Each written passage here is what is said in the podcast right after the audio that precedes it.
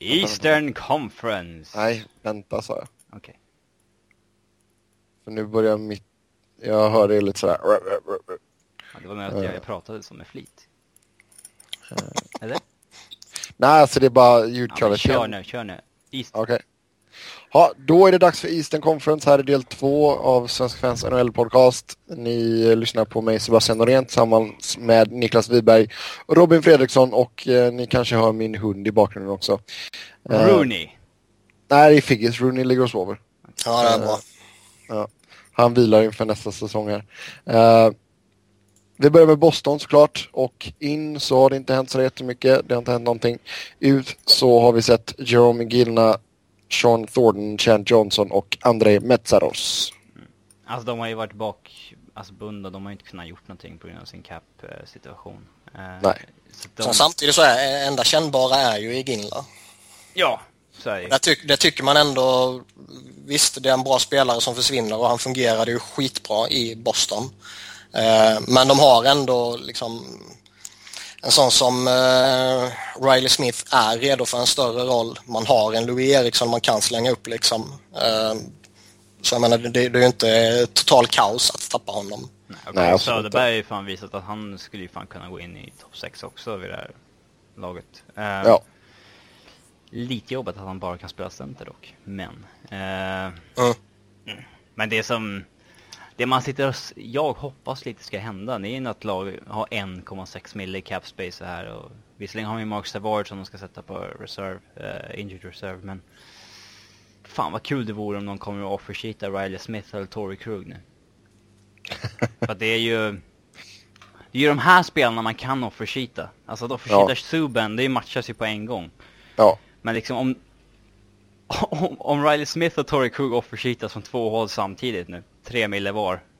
Då får man ju ett andra rundsval i kompensation. Mm. Då, då är ju Bruins i situation där de antingen måste välja en av dem. Eller där de måste dumpa en Marchand och Louis Eriksson. Eller Marchand en eller Louis Eriksson. För att matcha budet på bägge två. Och det...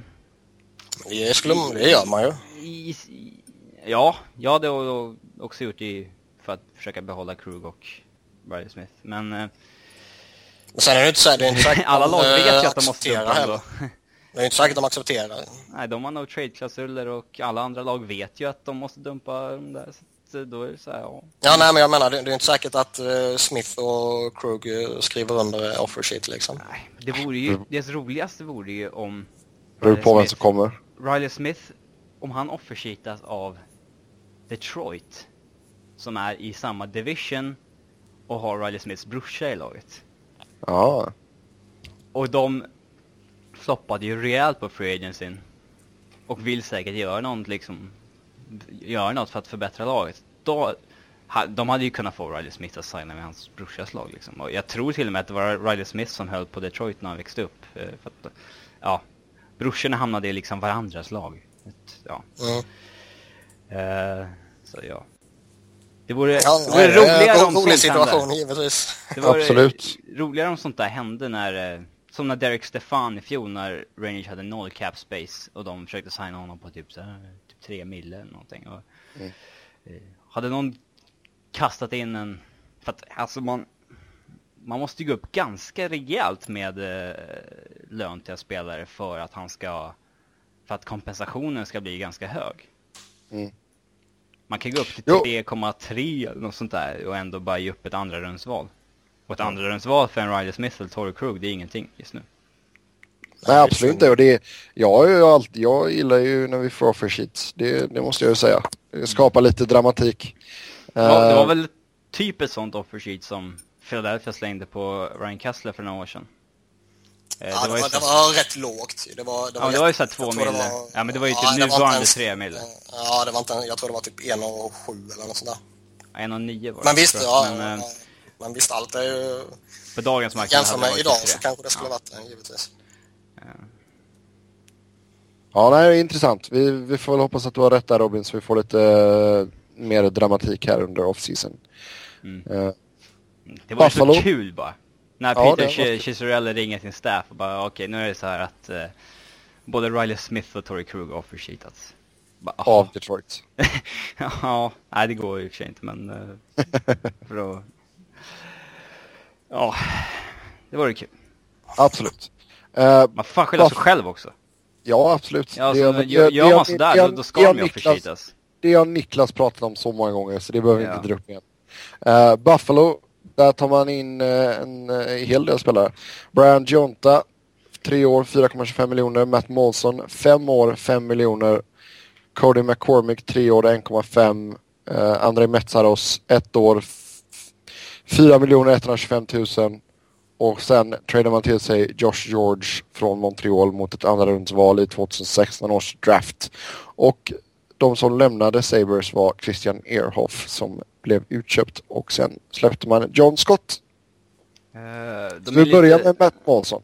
Nej, ja, han passade väl in där. En bra, vet, eh, bra veteran att ha. Eh, Mm. Förhoppningsvis så ska han väl hålla om en 3-4 år också när, eh, när Sabers vill vara bra. Men alltså jag tycker att de gör ganska smarta moves här. De är ju i en ganska udda situation. De vill ju vara kassa. Eh, samtidigt så hade de ju typ 20 mille upp till lönegolvet. Mm. Så man såg liksom reaktionerna från eh, Buffalo-supportrarna när de signade Messros till exempel. Det är så här, ja, det här är perfekt, han är skitdålig, kontraktet är jättehögt liksom så här.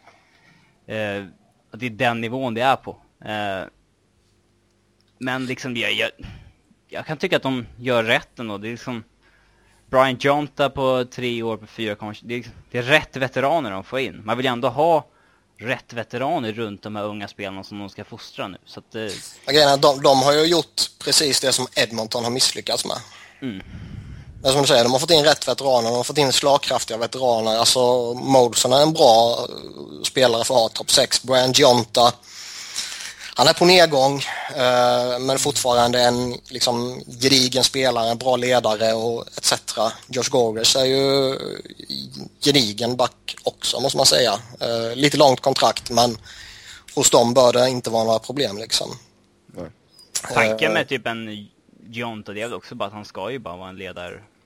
Nej, ledarfigur, nej, liksom. liksom Det- fo- fostra de här unga som antingen redan finns i laget eller som kommer komma han är en local boy också. tiden. Ja.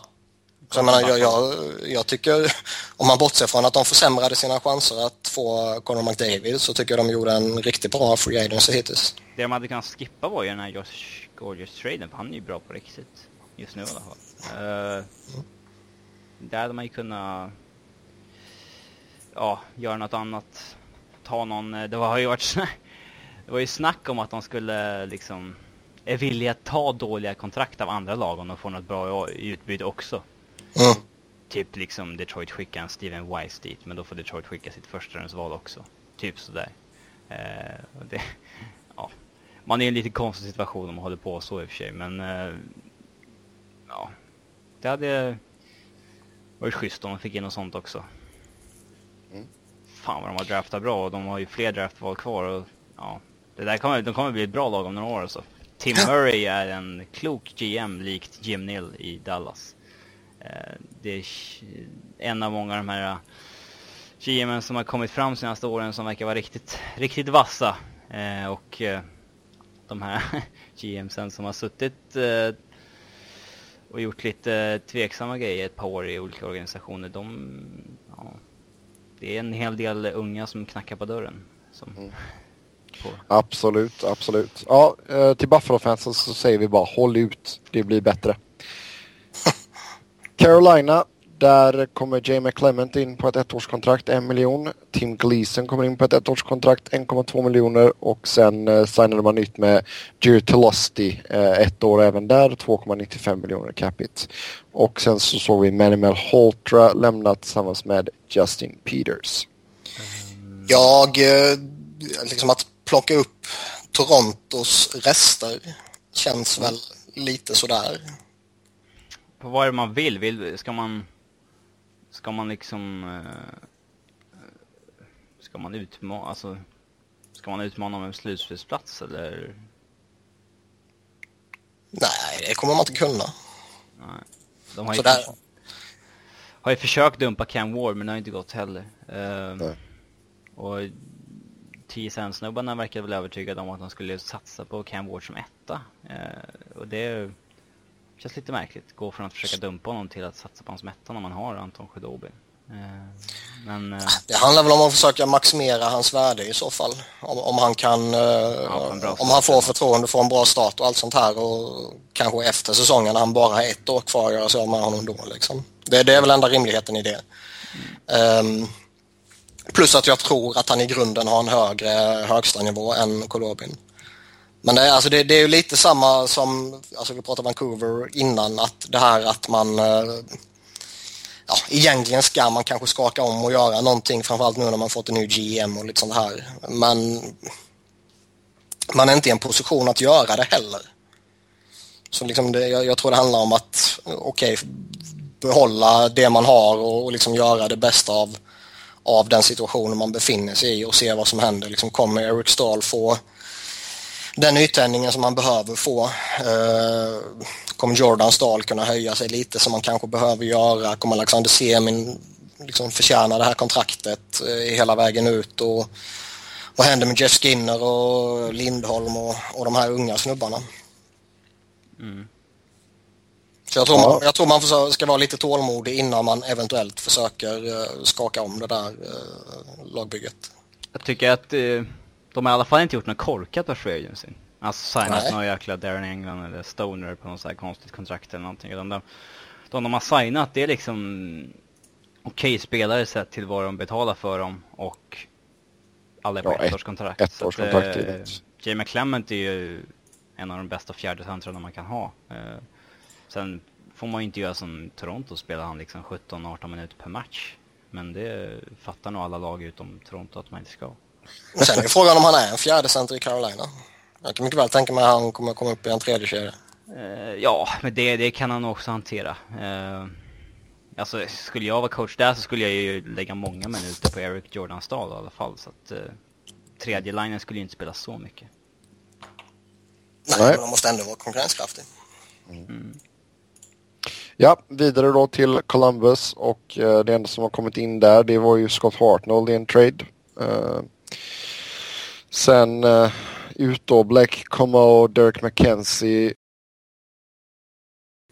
Umberger gick ju andra vägen i Hartnell-traden och sen så tradade man ju bort rättigheterna till Nikita Nikitin. Man, ja, alltså, de är väl inte försämrade, det kan jag inte påstå. Däremot skulle man väl att...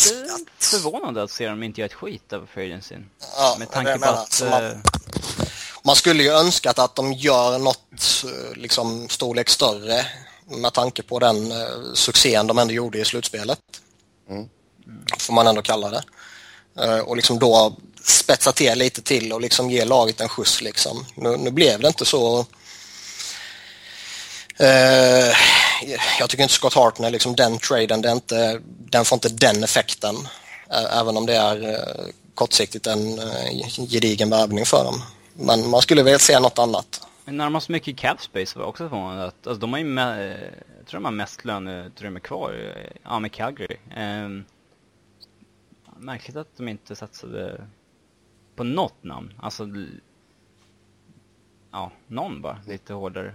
Oavsett om det är någon tredje liner för 2,5 miljoner eller så här, men att de inte gjorde någonting, det var lite märkligt. Ja, Ja, vi får se vad som händer där. Kekkalainen ska väl uh, hitta på någonting i alla fall. Uh, ett lag som inte heller gjorde så jättemycket. Det var ju Detroit. Och... Ja, uh, jag vet inte. De försökte göra det. ja, de bara misslyckades. De lyckades inte med så mycket men de Nej, hade väl hur de mycket hade krokar ut som helst. Exakt, de var ute och metade lite men de fick ingen napp. Uh, så i slutändan så signade man nytt med Kyle Quincy. Tvåårskontrakt, 4,25 miljoner capita. De hade väl mest misslyckad free agency av alla. Eh, om man inte räknar liksom sådana som signade folk på dåliga kontrakt. Men eh, eh, de gick efter de gick efter alla. Alltså de gick efter Nisken, de gick efter Strålman och... Alltså, Dan Boyle. Ja, Boyle. Eh, de... De... Jag hörde nog av Stig Ginla också tror jag. Eh, men det verkar liksom vara de verkar ha blivit lite förvånade själva hur oattraktiva de var. Uh, Och nu har liksom debatten dragit igång om vad är det som händer i Detroit egentligen? Varför vill inte folk dit längre? Eh, är det här inte liksom staden man går till längre för att vinna? Eh, och det, det är väl liksom... Ja, det är väl en hel del faktorer som spelar in där. För det första så vet man ju, alltså Detroit är ju inte längre de här uh, topp tre i NHL som man alltid vet. Nej, att här går det alltid långt liksom. Utan det är, de har halkat ner lite på den listan och det är inte liksom samma garanti på att man har en chans på kuppen om man går dit. Nej, de är inget powerhouse längre, absolut inte. Samtidigt så är ju staden Detroit i, alltså... I slum ju. Ja, ja, men alltså det är liksom, stan går bankrupt och liksom det är... Mm. Det är mycket problem i den stan, så jag kan förstå ifall man inte är så jättesugen på att flytta dit. Ja, och så förra om åren, då kunde ju Detroit betala eh, liksom feta löner också. Men ja. nu är det ett lönetaksvärde där liksom det handlar så mycket mer om, okej, okay, vart vill jag bo? Mm. Vilka har jag spelat med förr? Vilka vill jag spela med nu? Vilken coach är det där? Och Babcock är ju ett respekterat namn, men det är fortfarande en, ett namn som många hävdar att folk hatar att spela för, för att det är en liksom jävligt krävande coach. Eh. Och så länge man vinner är det inga problem att spela under honom ju. Ja, men det är lite såhär Scotty Bowman grej att alla hatar honom men det är visst det blir resultat under honom. Ja. Uh, och de som har varit där, liksom Zetterberg och Datsuk och de här, de fattar ju liksom det. Att, men uh, vissa vill kanske ha en bekvämare tillvaro. Men ja. det är fan ruskigt, ruskigt trist för Ken Holland att liksom behöva ringa Kyle Quincy Ja. Liksom efter att man har fått nobben av fem free agents så... Ja, inte bara behöva ringa utan faktiskt hosta upp det där jävla kontraktet. Ja, han, är ju, han ska ju typ ha hälften av det där tycker jag. Ja. Eh, sett till vad han är värd. Eh, Sen är det ju två år, ja vad fan, det är hanterbart. Ja, men, men... Det, det hade ju nästan varit mindre smärtsamt att liksom gå efter någon annan back som är kvar på marknaden bara för att liksom det i alla fall inte ska bli samma back som kommer tillbaka. Ja, plocka upp en Metsaros innan han signar för Buffalo eller något sånt där liksom. Ja, ja, märkligt uh, agerande där med Quincy. Men vi vet ju hur Ken Holland och Detroit funkar. Att de tar dem de känner väl, liksom, om de inte får in de stora namnen. Mm. Så att, uh, de fick ju tydligen chansen att trada tillbaka, uh, trada till sig Brad Stewart igen. Men uh, de ville inte slänga upp ett andra val för honom. Mm. Ja, ett lag som var väldigt aktiva var i Florida. Där eh, kommer Jussi Jokinen in på ett fyraårskontrakt med 4 miljoner cap hit. Dave Boland femårskontrakt 5,5 miljoner cap hit. Al Montoya två år, uh, lite norr om miljonen på honom. Sean Thornton två år 1,2 miljoner. Derek McKenzie tre år 1,3 miljoner. Och Willie Mitchell två år 4,5 miljoner. Och sen så såg man ju Jesse Winchester och Tom Gilbert lämna. Eh, uh, just Jokinen tycker jag är, uh, alltså det är bra för ett lag som Florida att få honom på 4 miljoner kanske. Alltså med tanke på hur bra han varit i Pittsburgh och sånt där. Det, det är det värt för Florida att satsa på. Det är Bodens kontrakt är väl liksom topp två på korkast som delades ut under den dagen. Uh, Al Montoya strax över miljonen. Hanterbart. Sean Thornton på 1,2. Uh, tycker jag är ganska bra. Han är liksom en profil och en bra veteran vad det verkar med ja, de unga spelarna de ska fostra i eh, Florida. Och mm. eh, Darren McKenzie, eh, han är väl okej. Okay. Eh, Willie Mitchell tycker jag är riktigt bra att de tog in. Mm. Nej, de här det enda man kan ifrågasätta det är kontraktet till Dave Bolland. Sen tror jag spelaren Bolland tror jag kommer att fylla en, en stor funktion för dem. Mm. Uh, det, där kan ju, det där kan ju vara riktigt jobbigt om några år faktiskt. Ja, nej, alltså kontraktet är pissdåligt.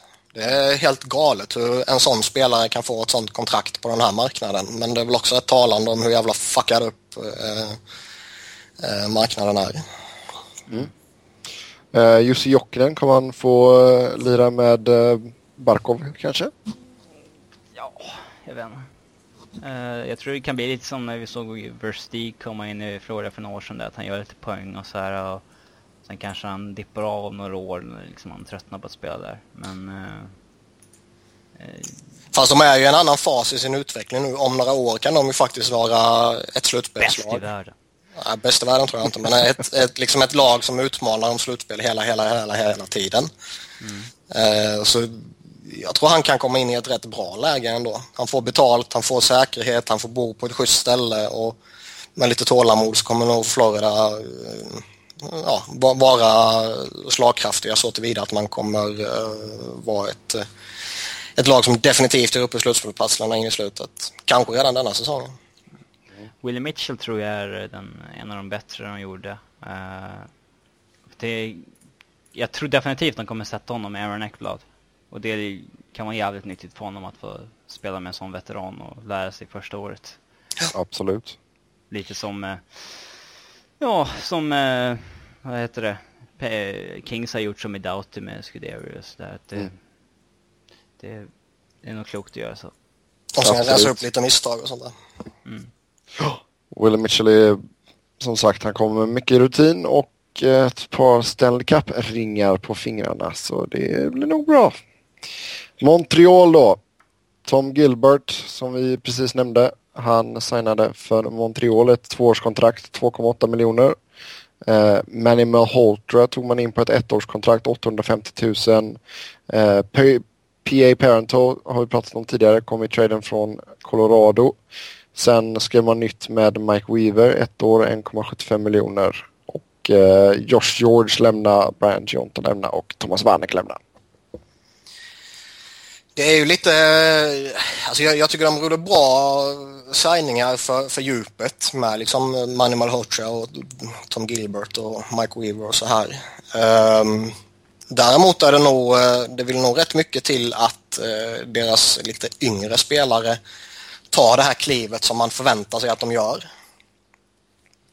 Uh, liksom att uh, en Alex Galchenyak, att han uh, snäpper upp sig lite, lite till kanske och att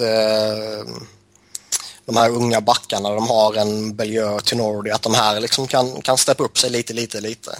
Um, mm. Annars kan det nog bli rätt jobbigt. Uh, ja, jag, jag, jag, sen ska man säga det, jag tycker det är rätt att de öppnar upp det här utrymmet för de här unga spelarna, för det är bra unga spelare de har på uppgång.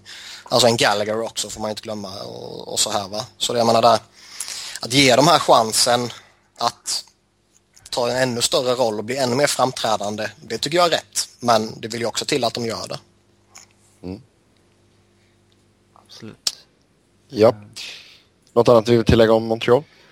Uh, alltså Parents-traden från deras perspektiv är ju ett uh, bra uppköp. Parent har kommit från Montreal också. Det är spelare som får komma hem och så där, där tror jag att de kommer att förbättra sig rejält.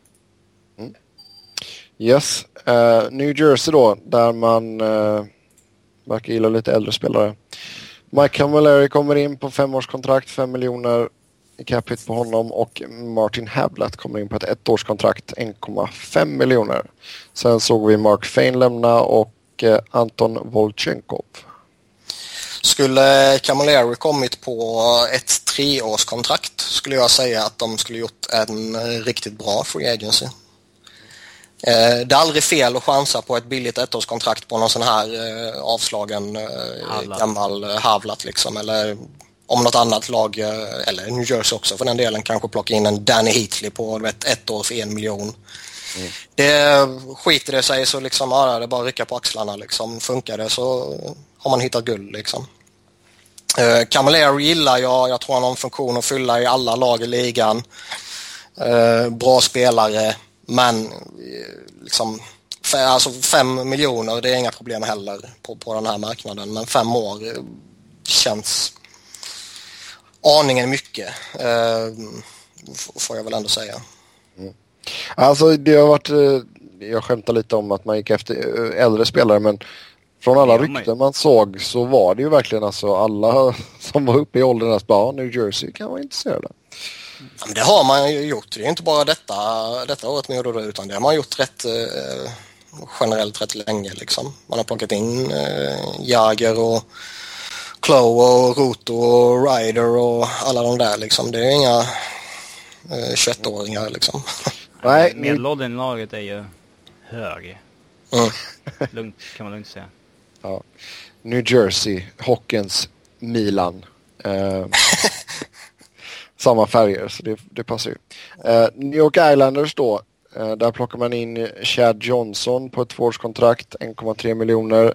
Mikhail Grabowski, 4 år, 5 miljoner. Uh, Nikolaj Kulemin, 4 år, 4 miljoner 187 500. Och sen såg man Evgenij Nabakov lämna. Ja, jag tycker de gör en bra free agency. Um, Speciellt med tankar om uh, vilken situation de hamnade i efter dag ett när de hade fått nobben av alla. Mm. Uh, de hade ju liksom erbjudit mer pengar till Dan Boy men han valde ändå den andra sidan av New York. Och, uh, och lite sådär. Um, man erbjuder fyra år till Jerome McGinley till exempel. och alltså Grabowski var fem mille, det det tycker jag är absolut hanterbart i ett lag som Islanders och Cooley med in på strax över fyra. Det är också jäkligt bra tycker jag de tar in. Det, det, det man unnade nästan dem lite att få in de där två spelarna till slut för att de, ja, det har varit typ synd om dem innan. Sen en, en jävligt viktig faktor det är ju att de nu har ett målvaktspar som faktiskt är bra. Uh, liksom Halak och Johnson tror jag kan göra att deras antal insläppta mål eh, blir betydligt bättre.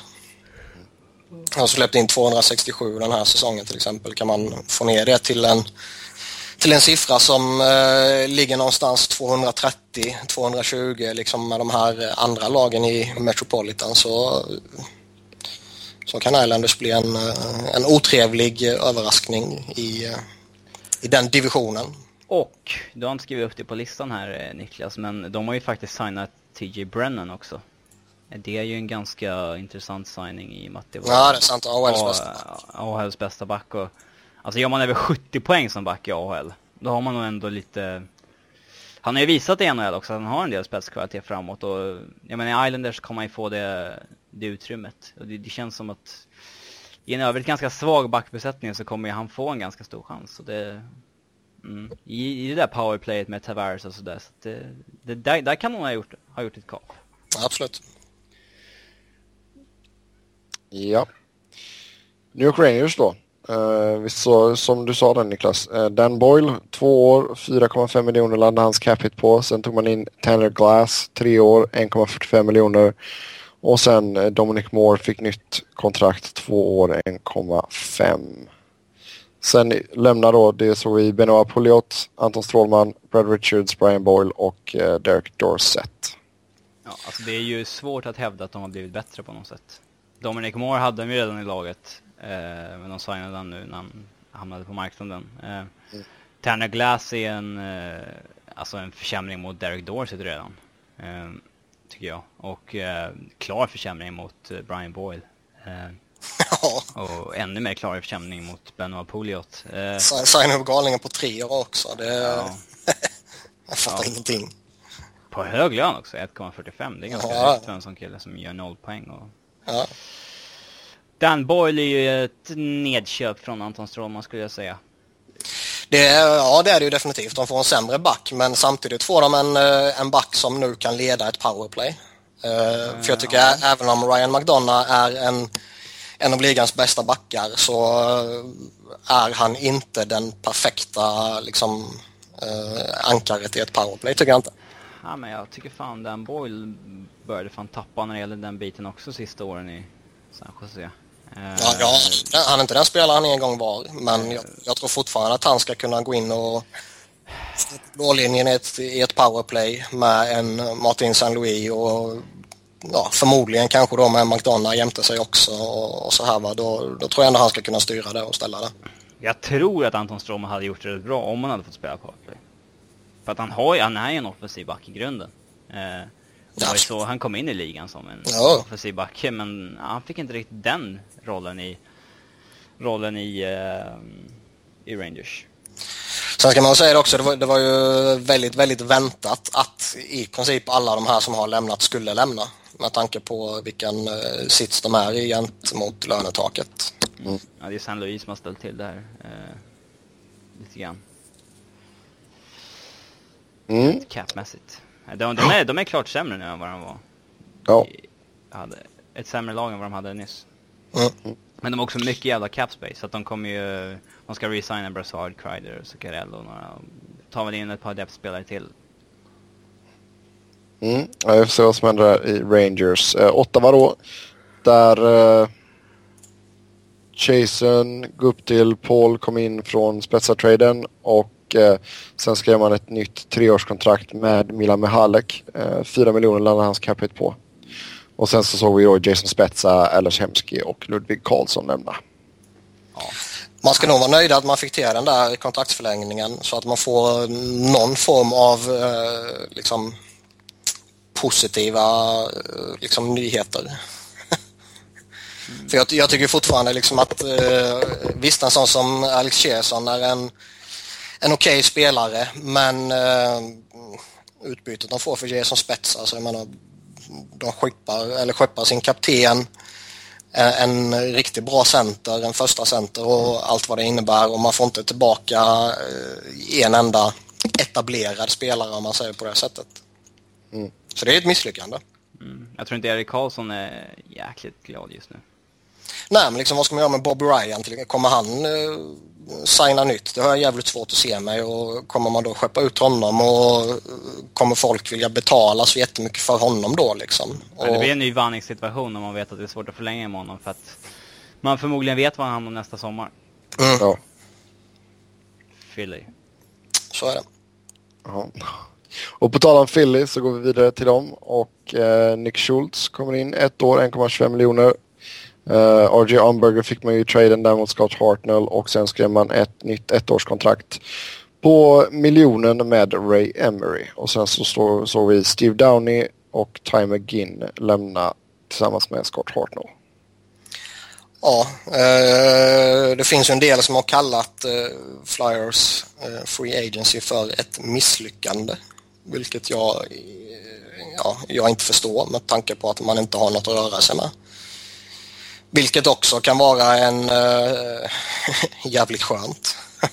Med tanke på vilka som kontrakt som delades ut och, och, och vilka spelare som fanns tillgängliga.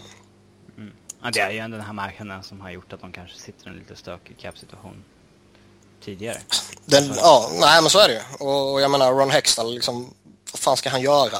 Uh, folk har kritiserat honom för att han inte har lyckats lösa liksom en Le Cavalier-trade eller eh, typ dumpa en Grossman eller något sånt här. Men... När man hör rykten om vad det är de ska ta tillbaka för Le Cavalier så... Nej, alltså ja. det, säg, det sägs att Ottawa som man pratat med nu till exempel att, uh, att de vill att, uh, att Flyers ska behålla två miljoner per säsong. Att Flyers ska lägga in ett draftval eller en prospect i, uh, i traden också. Plus ta tillbaka ett kontrakt från Ottawa då liksom som mm. kanske inte är eh, det mest attraktiva kontraktet där. Och jag menar, fan ska man släppa honom då? För? Alltså ska man behålla så mycket så är det ju bättre att, att ha kvar honom låta honom lira en säsong till som andra center. Uh, han får komma in, göra en ordentlig camp. Uh, tränaren får inte sparka en efter tre matcher förhoppningsvis. Eh, förhoppningsvis kan han hålla sig skadefri och allt sånt här. Och jag menar, med tanke på vilka förutsättningar han hade förra säsongen när han gjorde 20 mål ändå. Så, så har inte jag något emot att han blir kvar. Jag ser inte det som ett misslyckande. Nej. Sen, sen är det klart långsiktigt så är det, är det ja, Man får ju dumpa honom om man får chansen ur ett långsiktigt perspektiv. Det... Ja, alltså kan, kan man dumpa honom utan att liksom ja, de här Ottawa-ryktena är ju helt jävla absurda så något sånt. Gör man en sån trade då blir jag ju riktigt irriterad.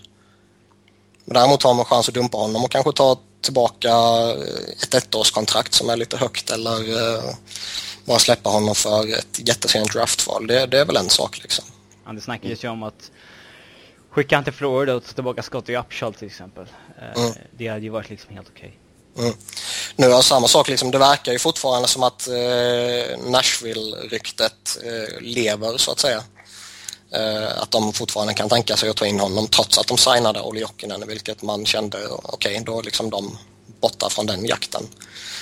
Men det är ju samma sak där, de vill också att Flyers behåller eh, liksom en och en halv, två miljoner och sånt där verkar det som. Och nu kan jag tycka att det, det enda rätta som Hextall ska göra nu det är att vänta. Mm. Alltså det är Ska de verkligen behöva, visst det är ett dåligt kontrakt, Men alltså capen är ju inte så hög. Så att det, retaina så mycket lön, det, det tycker jag inte de ska liksom... Nej, nej, det är, han, jag, tycker, jag tycker inte han ska vika sig alls. Uh, enda...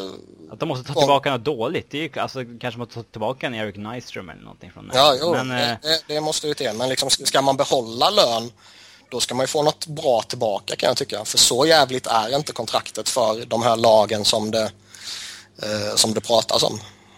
Nej, det är väl att det är ett år för långt eller två år för långt. För att, eller ja, helst skulle det väl vara ett år kvar på det bara. Men alltså, ja, capen är ju inte så fruktansvärt hög så att man måste... Eh, nej, nej, capen är inte så farlig och, och slår man ut det över de kvarvarande åren så är ju lönekostnaden mindre än capen också. Problemet är väl att han kommande säsong tjänar 6 miljoner och att han nästa sommar har en eh, signingbonus på 2 miljoner. Jag, jag, tror det är framförallt de 8 miljonerna som eh, kanske eh, ställer till det. Dumpas han till Florida nästa sommar? ja, typ. Mm. Ja, vi får se vad som händer där. Hextall eh, har väl förtroendet från Flyers-fansen antar jag. Han fick ett väldigt gott mottagande på draften. Ja, det var... Bua åt honom. Ja, eller hur. Nej, men jag tycker att han har väl gjort det okej okay inledningsvis liksom. Eh, plocka upp en som, som Schultz tycker jag en bra, bra värvning för en, eh, en roll som vad jag förmodar är en sjundeback liksom. Mm.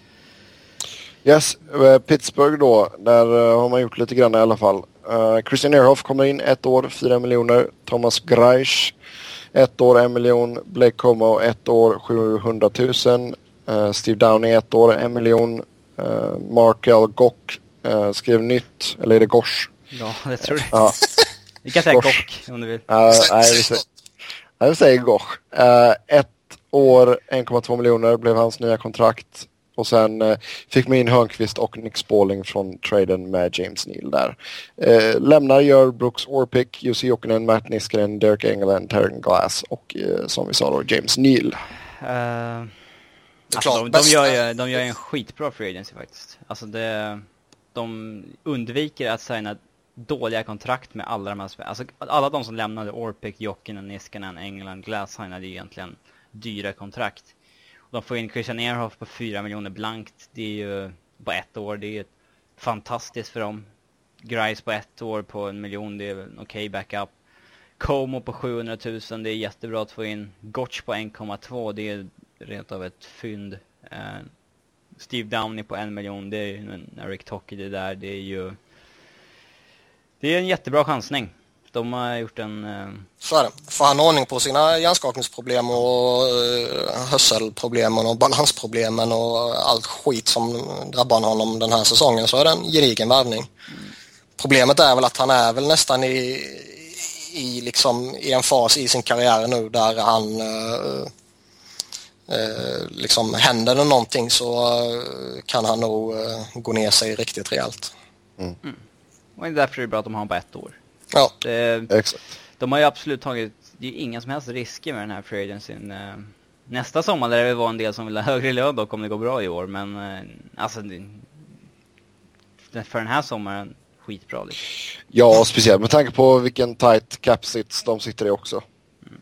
Jag tror, många där, ett Erhoff signar för, på ett år, det är ju, alltså, det gör han ju för att få vinna och sådär, men tror han också sett vad, vad för lön Niskanen kunde få efter ett bra år i powerplay i Pen Penguins. Så att, mm. ja, nästa sommar kommer han garanterat ha en bättre förhandlingssituation än i år.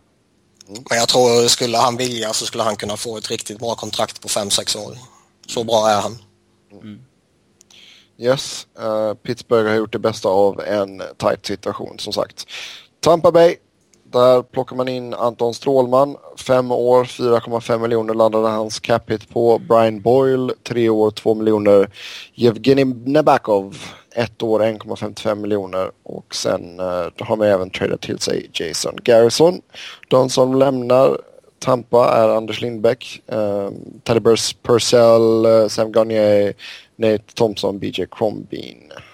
Garnier var ju inte Tampa-spelare i mer än några timmar. Nej, det är därför det står snedstreck Teddy Purcell ja. på körschemat. Men, äh, ja, men de har ju också gjort en jäkligt bra, alltså Brian Boyd på två miljoner blankt tycker jag är jävligt bra för en sån bottom six-spelare. Anton Strålman, eh, det är väl aningen högt med 4,5 om man inte tänker försöka utnyttja hans offensiv någonting, men det hoppas jag att man försöker göra. Mm. Det intressanta med honom nu, för nu känns det som att han verkligen kommer bli en av toppbackarna. Eh, antingen så kommer de ju sätta Hedman Strålman tillsammans och låta dem bli ett, ett första par så att säga. Eller så tror jag att de två kommer eh, få styra varsitt backpar. Och det är ju en lite ny situation för honom. För att gå från att Rangers har spelat bakom Girardi, McDonough och Stahl, som man ändå får säga, till att nu förväntas göra ännu lite mer. Den omställningen ska bli väldigt, väldigt intressant att se.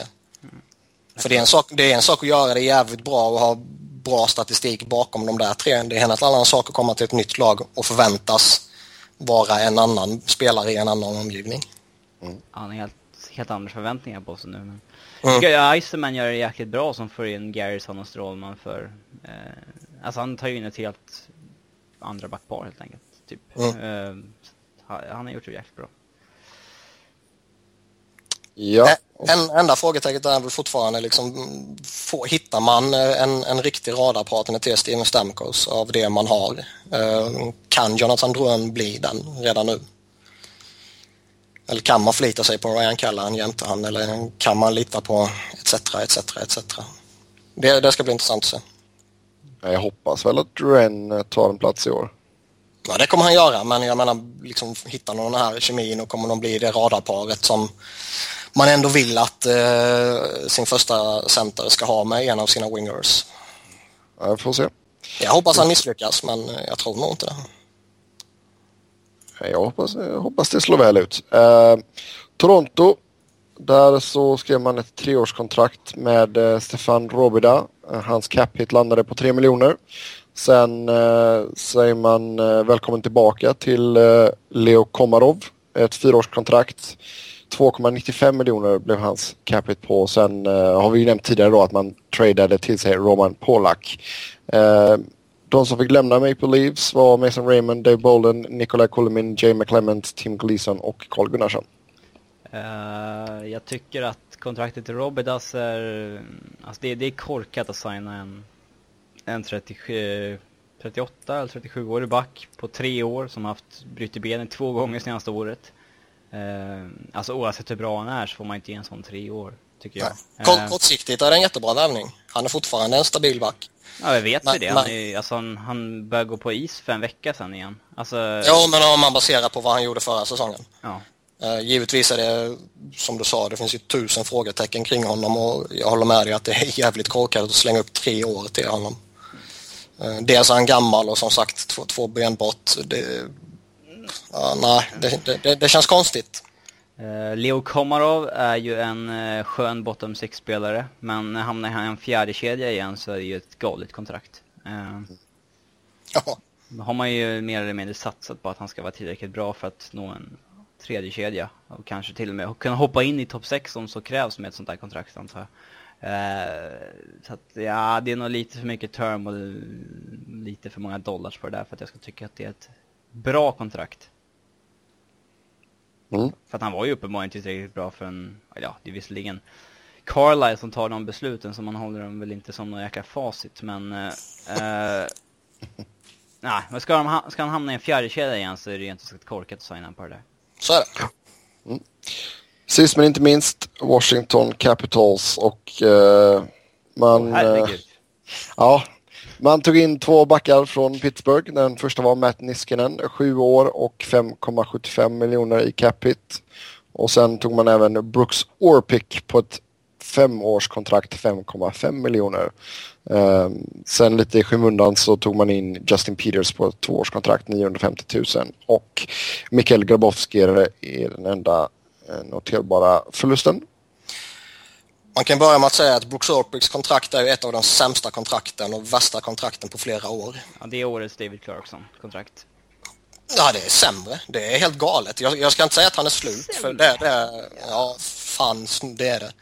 Jag ska inte säga att han är slut, men han är i- i princip så slut man kan vara utan att vara slut. Om man kan säga så. Ja, jag hade gärna signat han till, alltså Avs på, om vi säger att de inte hade tagit in Brad Stewart så hade jag kunnat signat Orpik på så här med free agency-mått liksom. Att man vet att okay, man måste ändå dega upp lite så här. Att, jag hade kunnat signa på två år eller någonting på fyra blankt eller någonting på gamla Ja, eller hur? Alltså, mer skulle jag inte sträcka Ja. mig. För man märkte jättetydligt eh, mot slutet här i Pittsburgh och inte bara mot slutet på denna säsongen utan man har sett en, en stadig eh, kvalitetsförsämring på honom under eh, en längre period och det har varit lite, lite problem med lite skador och lite operationer och allt sånt här. Så jag menar, Han börjar se stapp, alltså han börjar röra sig dåligt redan nu. Ja, alltså, ja, och du vet han är 33 bast också så eh, tänk dig honom. Jag tror liksom nästa säsong och kanske år två på det här kontraktet så snackar vi nog buyout. Alltså det, vi kommer, det kommer snackas om buyout i alla fall. ja, inte så tidigt som men liksom, för, nej, det tror jag inte. Första året och andra året tror jag ändå att ja, det är något man kan leva med kanske. Eh, med tanke på vilken eh, jävla kaos det har varit i deras försvar under jättelång tid så eh, bör de väl vara vana vid det liksom. Men, men långsiktigt, alltså det är ju helt jävla absurt och 5,5 miljoner för en spelare som, eh, ja, som sagt nästan är slut. Det är ju helt sjukt.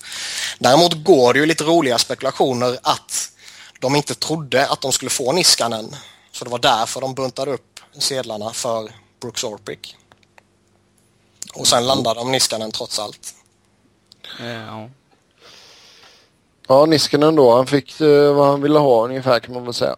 Mm. Han tog ju bara det bästa kontraktet han kunde få. Så Mm. det är ju ingen snack om saken. Och det är ju fan smart av honom för han kommer aldrig göra om den säsongen han hade nu. Alltså det... Alltså ur ett egoistiskt perspektiv så är det klart att han ska ta det bästa han får. För han vet ju Ja. att han är inte så där bra egentligen. Det var ju bara att han... Han gjorde en bra... Han fick spela i... Letang var skadad mycket och de fick spela i powerplay med Crosby och Malkin. Det är klart att man kommer upp i en 10 mål och 30 assist då. Eh, så att... Eh, sen visst, det är väl en gedigen topp 4-back i- om vi snackar... Men grejen är att han har ett kontrakt nu som gör att han ska vara en toppback i ligan. Alltså han Ja. har ligans eh, Elfte el- högsta, elfte ja. högsta liksom, cap hit. Ja. Eh, och även om man eh, ska vara lite så här att jämföra kontrakt under nya eller gamla kollektivavtalet men liksom om man bortser från det så är det fan att han är elfte bäst betalade, det är fan galet. Mm. Och det är... Alltså visst, Caps backbesättning är ju mycket bättre idag än den var för några dagar sedan. Men eh, till ett fantastiskt högt pris. Det är... Ja. Jag menar, nu, nu står man ju i en situation där du kommer ha Mike Green, Niskanen, Orpik, Karlsson eller Alsner, en av dem i ett tredje par. Och Eh, de säger att de inte ska trada Mike Green heller. Nej, exakt. det- Jag, jag menar, du, du har ju definitivt inte Alsner, Karlsson eller Niskanen i ett tredje par. Det kan jag inte tänka mig. Slantar du upp de här pengarna för Brooks Orpik så liksom betalar man 5,5 miljoner för en snubbe i ett tredje backpar som spelar eh, förhållandevis begränsat då. Eller sätter man en Mike Green i ett tredje par liksom. Alltså det, det känns som att det bara är... Eller säger så här, jag, det, de här spekulationerna som går att man inte trodde man skulle få Niskanen och därför slantade upp för Orpik, de känns rimliga om man tittar på den situationen. Ja, absolut. Men eh, ja, vi får se vad som händer. Väldigt... eh, jag menar, hur dyr är deras backbesättning nu?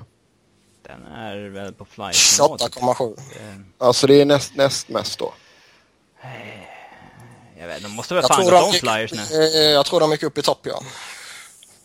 Så att man får ju man får inte räkna Pronger i flyers. Ja, okej, okej, okej. eh, Ja. Ja, men då är de ju högst i så fall om man inte räknar Pronger. Uh, ja, det som sagt det händer mycket. Det, vi får se om det händer lite mer Ja. grejer här. höjer ett varningens finger för att Washington kan floppa rätt det. Alltså det kan bli årets Vancouver med en kulturkrock med Barry Trotz och Alexander Ovechkin också. Det där, ja. Det, Mm, även ja. om de där försvararna förbättrar försvaret så kommer det ändå det blir en sån negativ stämpel på hela laget när det liksom är att okej, de där är ju okej, men vi är ju, lägger ju fan över 11 miljoner på de där två. Mm. Alltså, ja. Det kommer skapa mycket negativt surr. Ja, Samtidigt som deras divisionskonkurrenter liksom i Islanders gör en jäkligt stabil free agency och nej, det där kan eh, kan gå lite sådär i Washington i år tror jag. Det håller vi tummarna för. ja, vi får se vad som händer om fötter. Uh, med det så tackar vi för oss för den här veckan. Som vanligt så kan ni snacka hockey med oss via Twitter. Mig hittar ni på att Seb Noren, Niklas på att Niklas Wiberg, Niklas med C och enkel V och Robin hittar ni på R underscore Fredriksson. Och uh, kom gärna med era vinnare och förlorare i den här Free Agent Friendsin i kommentarerna. Så hörs vi igen nästa vecka. Ha det gött, hej!